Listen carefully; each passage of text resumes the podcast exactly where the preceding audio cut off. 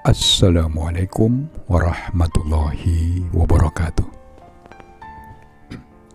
Mensyukuri musibah oleh Allah Yarham Kiai Haji Dr. Jalaluddin Rahman. Salah satu nabi yang sering diceritakan Rasulullah dalam sabda-sabdanya adalah Nabi Daud. Rasulullah pernah mengatakan bahwa orang paling baik adalah yang seperti Nabi Daud. Meski seorang raja, Nabi Daud memenuhi kebutuhan sehari-hari dari hasil jerih payahnya sendiri. Kita tahu, Nabi Daud dianugerahi kemampuan untuk mengubah besi menjadi barang-barang berguna dengan tangannya sendiri, kemudian menjualnya di pasar. Seperti itulah ia menghidupi kesehariannya. Suatu ketika, ia menyuruh pembantunya menjual barang-barang tersebut ke pasar. Beberapa waktu kemudian, Nabi Daud terkejut saat pembantunya itu pulang tanpa membawa untung. Dagangannya utuh tidak ada yang laku. Selidik punya selidik, ternyata hampir semua orang pergi ke kuburan. Pasar sepi, aktivitas sosial terhenti. Semua itu terjadi karena sebelumnya Nabi Daud menangkap dan memenjarakan para iblis. Ini juga yang menjadi salah satu karunia Nabi Daud. Akhirnya, Nabi Daud membebaskan kembali para iblis. Apa pelajaran yang bisa kita petik dari cerita itu?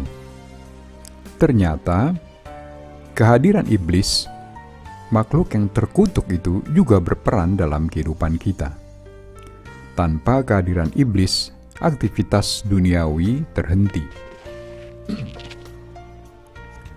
Barangkali kita pernah bertanya-tanya kenapa perlu diciptakan keburukan dan penderitaan. Itu bisa jadi menjadi pertanyaan siapa pun yang menderita, bukan hanya kaum filosof saja. Dan tentu saja akan ada jawaban beragam. Seseorang mungkin akan menjawab, penderitaan diciptakan Tuhan untuk mengetahui kadar ketakwaan hamba namun, jika sekadar ingin tahu, bukankah Tuhan mengetahui segalanya? Atau mungkin untuk meningkatkan kualitas ketakwaan hamba. Dengan ujian penderitaan itu, diharapkan ketakwaan hamba tersebut dapat meningkat. Tapi, kenapa ada orang yang pada mulanya tampak baik-baik saja, namun begitu diuji dengan penderitaan, ia justru kehilangan nilai-nilai moralitas. Mungkin juga ada orang yang mengatakan, penderitaan dan keburukan di dunia sesungguhnya adalah investasi akhirat. Orang yang diuji dengan itu akan mendapat pahala berlipat-lipat di akhirat kelak. Maka terimalah semua itu dengan sabar dan lapang dada sebab Allah selalu bersama orang-orang yang sabar. Jadi, agama selalu dihubungkan dengan penderitaan. Bagi para filosof, jawaban-jawaban di atas sangat tidak mengenakkan. Bagaimana itu semua menjadi jawaban, sementara Tuhan adalah Maha Pengasih dan Penyayang? Kenapa pula untuk sekedar memberi pahala harus menimpakan penderitaan dulu. Dulu, kakek saya termasuk orang kaya di kampung. Setiap kali panen, ia selalu berbagi dengan orang-orang miskin. Caranya, mereka dibariskan di halaman rumah satu persatu maju mengambil bahagian. Tapi sebelumnya, Tangan mereka dipukul hingga bekas pukulannya baru hilang setelah satu minggu. Dan kakek saya punya kenikmatan tersendiri melakukan hal demikian. Nah, tentu saja kita tak akan mengatakan bahwa yang dilakukan kakek saya itu perbuatan baik. Lalu, apakah Tuhan seperti itu? Ada kisah tentang Nabi Daud yang menurut saya cukup populer, meski sejauh yang saya tahu, kisah tersebut tak disebutkan di dalam kitab hadis mana pun. Tuhan mewahyukan kepada Nabi Daud bahwa ada seorang perempuan yang kelak menjadi pendampingnya di surga. Disebutkan perempuan itu bernama Huludah binti Aud. Nabi Daud pun mencari dan akhirnya ketemu, kemudian menceritakan maksud kedatangannya. Mungkin kau salah, itu memang namaku, tapi barangkali bukan aku yang kau maksud. Bahkan aku tidak tahu kenapa aku bisa masuk surga jika yang kau katakan itu benar, kata perempuan itu.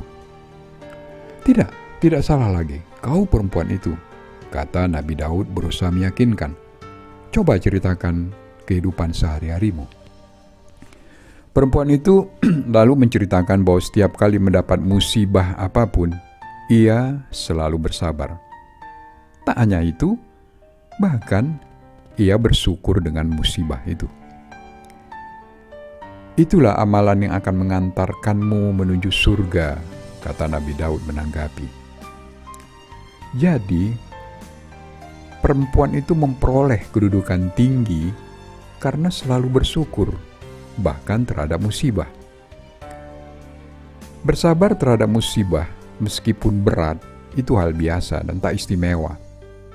Sebagaimana bersyukur terhadap karunia. Yang istimewa adalah jika bersyukur terhadap musibah. Bagaimana caranya bersyukur saat ditimpa musibah? Yaitu dengan melihat sisi-sisi positif dan kebaikan dalam musibah itu seperti dalam doa Imam Ali Jainal Abidin saat ia sakit.